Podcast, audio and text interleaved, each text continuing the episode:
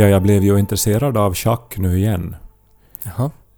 Det var väl kanske nog tack vare att, att det nu blandades in såna här analleksaker Ja, i jag det har, hela. jag har lite följt med. Ja? Magnus Carlsen, norrmannen som är alltså världens bästa schackspelare. Och Mm. också en väldigt eh, unik människa. Alltså för att ofta schackspelare är ju inte såna här jätte, kanske representativa och, och liksom fläkar ut sig och är stora förebilder för folk. Nej. Eh, men att han är ju så här väldigt... Uh, han är en vacker man, han är aktiv på Instagram. Han har gjort uh, fotomodelljobb och så här. Mm. Och vissa klädmärken så är väl glada att du associeras då med hans intellekt och så här då. Mm. Eller vad man nu ska säga om någon som är bra på, på schack. Det handlar väl mycket om strategiskt kunnande och att se mönster och vara matematiskt begåvad också. Men så han har ju nu då uh, skapat skandal. Ja, han, han drog sig ur en match för att han på något sätt anklagar sin motspelare att han fuskar. Ja, det intressanta är ju att han har ju inga bevis för det här. Nej. Och, och det skapar ju den här känslan av att han, att han är sårad. Mm. Det är ju som, jag menar nog var ju jag sårad också när Botnia Paradise sålde mycket mera biljetter än Pleppo. Mm. Men inte har jag ju... Eller... Inte det, ju, det, kan det ju hända att de, att de använder sig av någon sorts... Ja, det har jag ännu inte anklagat dem för det. Alltså... det, alltså det, det är ju, jag tycker det är som många roliga twistar i den här storyn. Alltså för att han då anklagas för att han har fuskat då. Den här, jag, jag vet inte ens vad han heter alltså. Den, han är väl 19, den här. Ja, Niman eller någonting. Nyman. Ja, Nyman kan vi säga. Att han har då anklagats för att han har fuskat och, och sen så spårar det här ut lite då på, på Reddit, alltså där man diskuterar alltså på vilket sätt han, man kan fuska i schack. Och, och det är ju det här, det här uppenbara att han har en dator han får hjälp av en dator helt enkelt som räknar ut alla möjliga moves man kan göra i ett schackspel. Och, Ja. och sen måste den här datorn då på något sätt signalera åt Nyman då. Och, och sen var då en teori som på något sätt blev väldigt aktiv då är ju att han har analkulor, vibrerande analkulor inuti sig som på något sätt då vibrerar inte vet jag, via någon sorts morsekod då, liksom att det är så här v, v, v, och så är det som F7 betyder det då. Ja, jag träffade ju, jag tror jag berättade om det i podden också, en kille eh, på en bar som, som då och då ryckte till. Och det visade sig då att han hade då eh, i sin stjärt då eh, någon sorts vibrator som styrdes av hans pojkvän i eh, Spanien. Ja. eh, och så här. Och eh, alltså vid någon sorts Bluetooth-app då eller någonting. Mm. eh, Så, så får han då hälsningar då rakt in i kroppen. Ja. Eh, Och det är ju jätteromantiskt och, och att det faktiskt att det som går att göra så här idag är ju... Är ju Men är det romantiskt? Är det liksom, är, är, är det... Är det det? nej men vadå? Alltså, I want to be as close as the Holy Ghost som Bon Jovi sjunger Ja. i Bed of Roses. Men tror du det var det där som Bon Jovi menade då? Alltså att jag, jag vill fjärrstyra någonting som vibrerar i baken på dig. I wanna lay you down in a bed of roses. And put some vibrating toys inside you so that I can call you from Spain and make your ass vibrate. Men nu tror jag att nu är det ju det som, som vuxna människor vill. Inte det att Nej, ligga på rosor. Alltså, vilken normal människa skulle vilja ligga på rosor? Nej men är det inte det som är definitionen av romantik? Att det är på något sätt en, en sån här... Alltså en sån här bild som man strävar mot men inte egentligen gör. Alltså, jag hade... Jag vill jämföra lite med, med high fashion. Alltså för att det var för mig en sån här... Det är nog en liten parentes, vi ska just återgå till Nyman. Men det var för mig en sån här stor, alltså... Alltså, it blew my mind, helt enkelt. När jag insåg att de här kläderna som de visar på catwalken, det är inte tänkt att man ska ha såna kläder på sig. Visste du det? Det är inte meningen. Utan meningen med high fashion är att deras utseende ska inspirera till kläder som man kan ha på sig. Att det är mer som en idé, det är mer som en, som en så här rå kreativitet. Vad väcker det här för tankar när någon blir spraymålad med en klänning? Och då är det för man är alltid sådär att "Hur ska man, kan, det kan ju just just gå. Alltså sådär att det är ju inte liksom ändamålsenliga kläder, men det är inte tanken att det ska vara det. Och det var för mig så här att va, på riktigt? Är det faktiskt så? Jag har missförstått high fashion. Um, och lite på samma sätt tänker jag kring romantik. Att det är någonting, det ska liksom...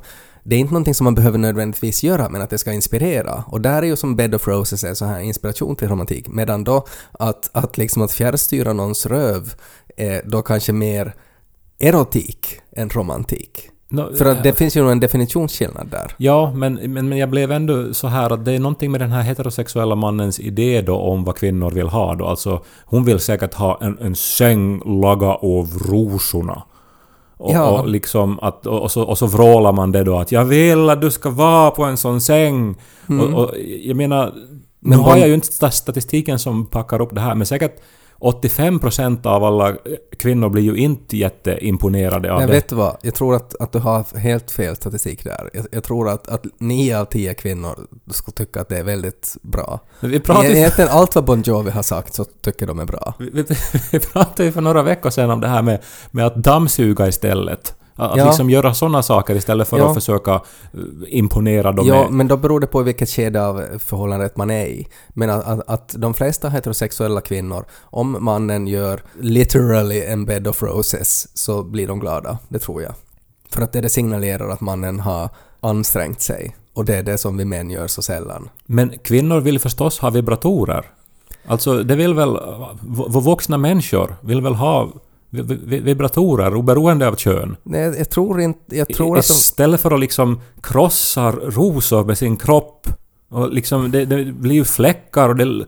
Ja, men inte det praktiskt Måste man byta lakan? Ja, men inte det är ju heller alltid liksom jätteändamålsenligt att ha en vibrator i kroppen som man inte vet när den kommer igång. Nej, no, alltså förstås måste man ju Tänk om det blir någonting fel. diskutera Tänk det om där. pojkvännen i Spanien halkar och, och ramlar omkull och blir medvetslös och så ligger han på on-knappen i flera timmar.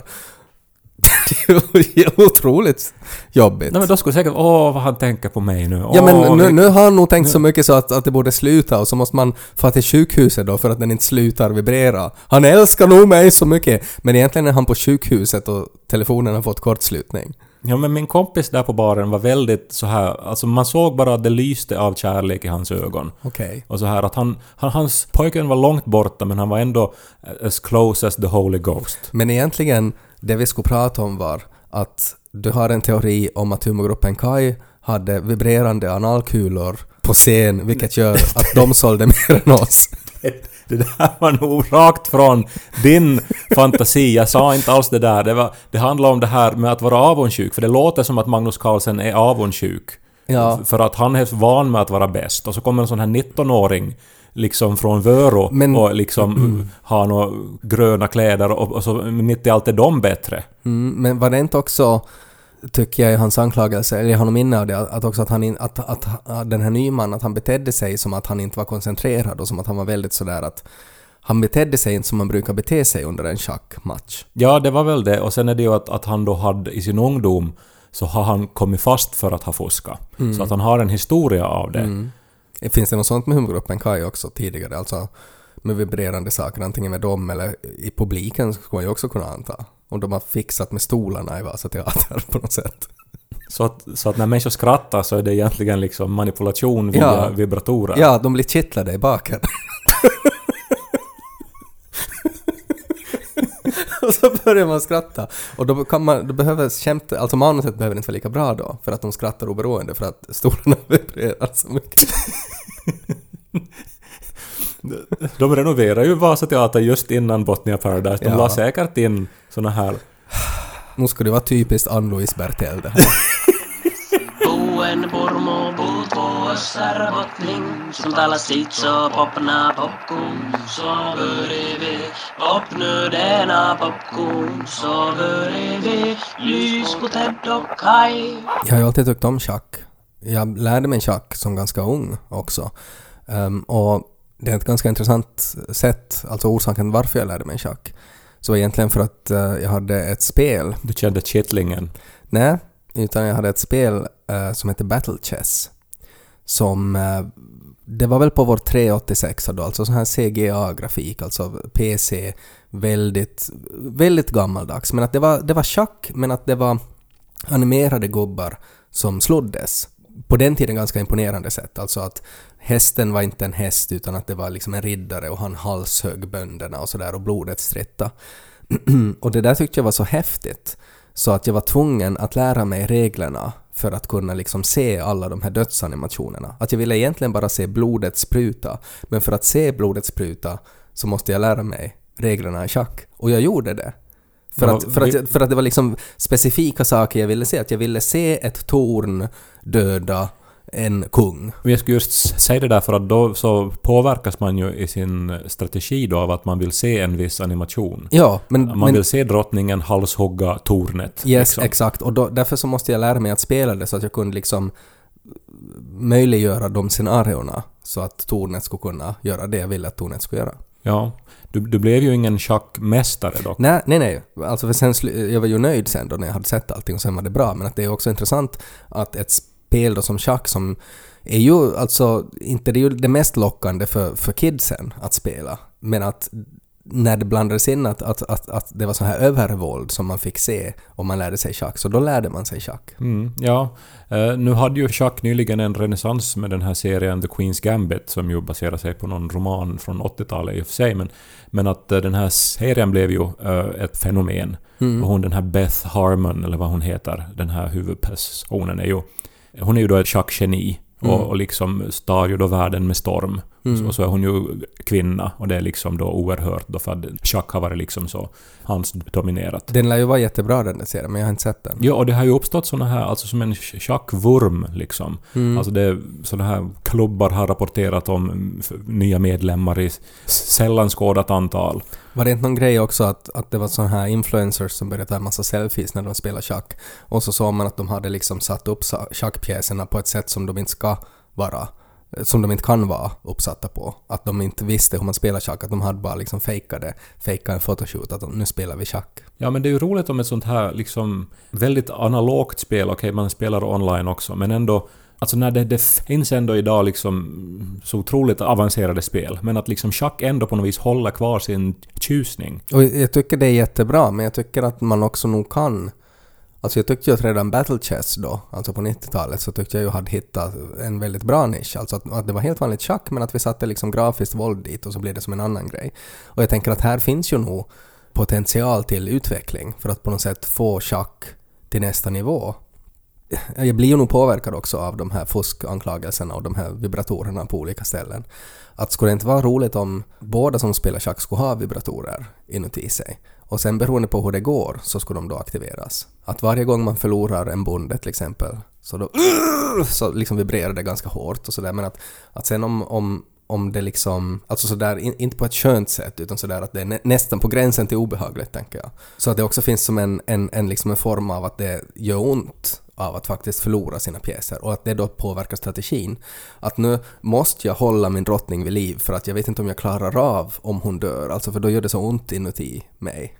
Ja, jag vet inte, alltså det här, alltså är man då ute efter att det ska som göra så lite ont som möjligt Nej, alltså eller jag- efter att det ska vara skönt? Jag, jag vet som Målet är alltså att få schack mer intressant. Och för att få schack mer intressant så behöver det vara intressantare att se på. Ja. Alltså för det är otroligt tråkigt att se på när någon spelar schack. Men att om man skriker av smärta när bonden blir uppäten. Eller, eller om, om, om... För att det finns ju det här då att, nu, att man äter upp pjäserna. Men vad man ska måste göra det på riktigt. Alltså att du måste tugga i dig. Alltså att den här bonden blir inte uppäten om du inte äter upp den på riktigt själv också. Ja, det skulle men det, här, det, det måste ju ha gjorts. Alltså ätbara schackpjäser. Det jag måste menar, ju ha jag menar alla skulle inte vara ätbara. Alltså man skulle bra kunna... Jag menar bönderna skulle kunna vara någon så här salta kex eller någonting, så här guldfiskar, alltså någonting som går lätt att äta. Men sen så blir det liksom, redan löparna skulle vara Sturox, sådär att nu kan du äta det men du blir nog lite sjuk av det. Det och sen ju- är liksom tornet är, är, är liksom sten. Jag, jag vet inte hur jag inser det här först nu, men alltså schackpjäserna, många av dem ser ju lite ut som såna här tappar som, eh, som görs för att, för att Alltså invadera kroppen. analtappar? Liksom. Ja, precis. Att det skulle finnas... Okej, nu måste du rätta mig om jag har fel, men alltså du tänker då att alla pjäser skulle egentligen vara vibrerande dildon och när man äter upp någon så måste man sätta in den i kroppen. Ja, Alltså, den, allt sammanflätas ju i det här resonemanget. Jag, Ja. jag säger inte att det här är en bra idé. Nej, nej. Men att, men att det är ju det, det vi rör oss kring Ja, här ja, ja alltså jag, jag menar att om man... Jag tror att, att till sist så skulle det vara en massa genvägar som skulle leda till den här idén, tror jag. Och då är det både då liksom att klara av att äta upp det här tornet och ryms det dit. Mm, och, och nog är det ju alltså då alltså en otrolig förnedring också då för, för motspelaren att se då då jag liksom tar din kung och trommar in den i reven. Ja, ja det är det Alltså, nog. så att, jag menar, nog blir det ju som väldigt... Det är som en variant sådär när de ska slåss i UFC och så står de liksom sådär och, och morrar varandra i ansiktet när de tar en bild. Att det blir, det blir ju nog mer det liksom. Men är det alltså i sin egen reve man ska sätta det då? Ja, det är ju inte obehagligt att sätta saker i reven. Nej, nej, men man måste nog utgå från att för de flesta människor så är det inte liksom någonting man...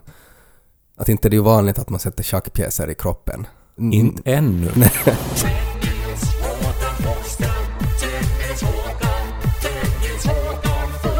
Men är det faktiskt så? Alltså att om man då funderar på hur man ska fuska och sådär. Varför ska man, alltså varför måste det vara just i baken? Alltså ska man inte kunna ha på något annat ställe på kroppen som inte är liksom sådär invasivt där det ska kunna vibrera? Men Man kan väl sätta kanske någon plomb i tänderna eller någonting. Det, Mm. mm, någonting sånt. Alltså, det var väl det att ryktet uppstod väl efter att den här Niemann sa alltså att han är oskyldig och att han kan bevisa det genom att spela nästa match naken.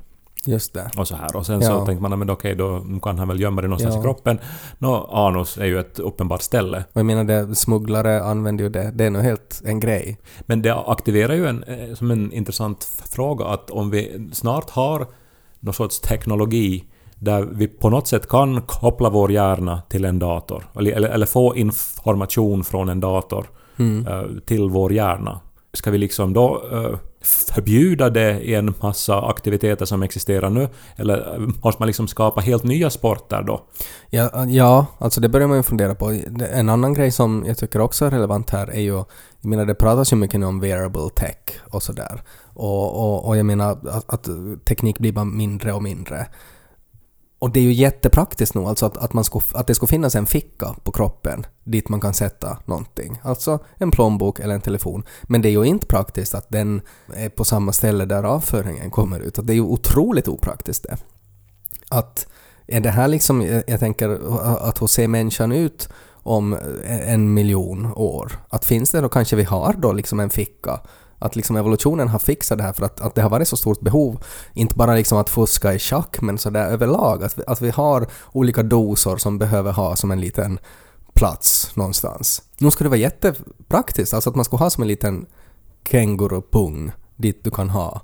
En, en bokstavlig magväska som du alltid har med dig. Eftersom nu då tydligen analen redan används så är det ju Ja, troligt att det är den som kommer att bli större och liksom bli mångsidigare då efter hundratusen år. Så att då Homo sapiens sapiens sapiens då, alltså nästa version. Ja, när det skulle bli... Ja, nu minns jag inte vilket djur det var, men det var något djur som har...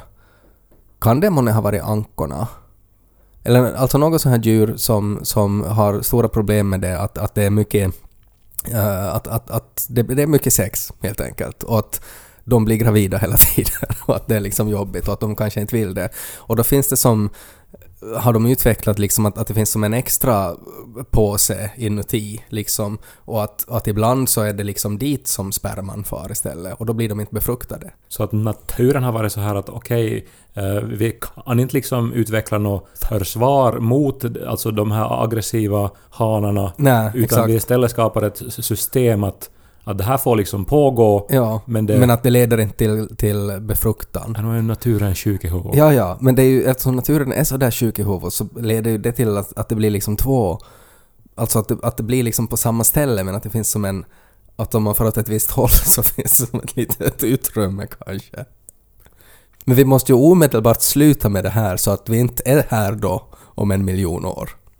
Folk tänker för lite gällande evolutionen. Liksom att, för att naturen är ju sjuk i huvudet. Så att det är ju upp till oss att se till att det liksom styrs mot rätt sätt. Och att fuska på det där sättet i schack så är ju helt mot fel håll. Jag är ändå nyfiken på de här nya bänkarna vid Vasa Teater. Att, jag menar, det finns ju många teatrar som installerar vridläktare och så Ja. är det som väldigt användbart. Mm. Och nu när Vasa Teater har tydligen satsat då alltså miljoner på de här sätena. Mm. Då, så alltså hur ska de använda dem som i sin vanliga repertoar?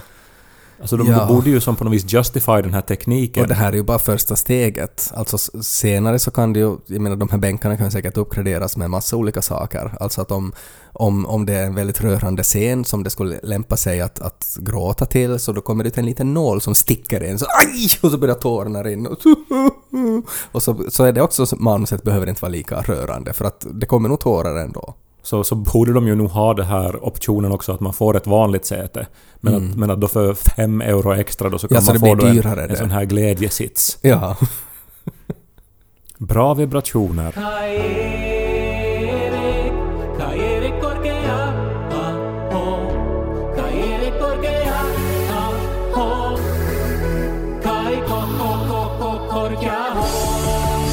Jag, jag vet inte om jag heller har tänkt på det där med alltså high fashion. Att det mera handlar om att uh, inspirera eller alltså häcka andras kreativitet till liv. Ja, men det, det är ju förklaringen till, för att jag har ju alltid varit sådär att hur kan någon gå med på det här? Alltså att hur kan någon, när någon har en sån här design och så tycker någon annan att ja, men det där är bra kläder. Det har varit liksom omöjligt för mig att förstå. Det är bara som jag tycker är märkligt där är ju för att det, det är ju jättedyra tillställningar det här. Och de här Mm. modehusen omsätter ju enorma summor pengar. Och Ja, att de då skulle satsa så stor del av sin budget på rent experimenterande. ja för, att det ska vara, för att det ska vara innovativt och vem som har de bästa idéerna, de bästa inspirationerna. Det är det de tävlar om. Jag tänker ju automatiskt på liksom litteratur då, och då, då framförallt kanske på poesi, som ju Mm. ofta är så här där språket får utvecklas, alltså där man har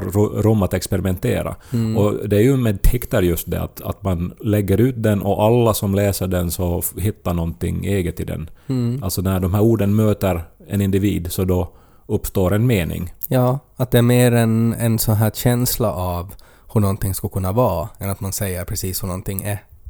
Memes är ju lite så också. Nu, i, idag i mitt flöde så dök det upp en meme där det bara stod, alltså det var, det var helt vitt och så var det svart text där det bara stod att ta en film och det är bara en person i filmen som får vara en människa och resten är handdockor.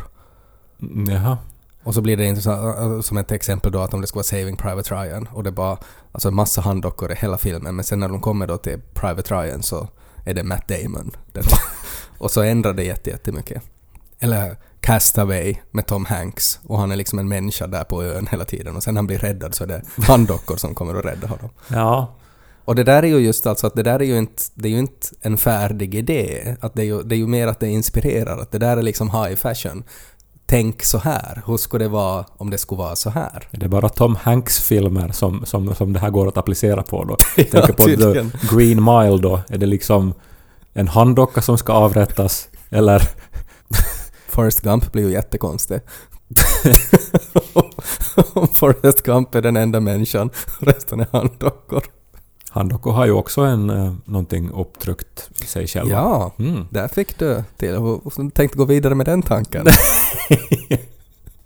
Det är svårt att släppa när man har pratat eh, i en halvtimme om, Ja. om, om sånt där. Det är svårt. Men nu är det en underbar tid att ha ett distansförhållande i, vill jag bara säga. Ja, men det måste, det, så är det ju. Tänk att man kan liksom dag... Alltså, och, och det är nästan gratis att ringa Mm. ett videosamtal eh, med liksom högupplöst video Mm. och, och bra ljud. Och när det var då förr i tiden så var det liksom mannen var sjökapten och sa att nu ska jag fara till Elfenbenskusten baby, ta hand om babyn och jag kommer tillbaka när han är fem år.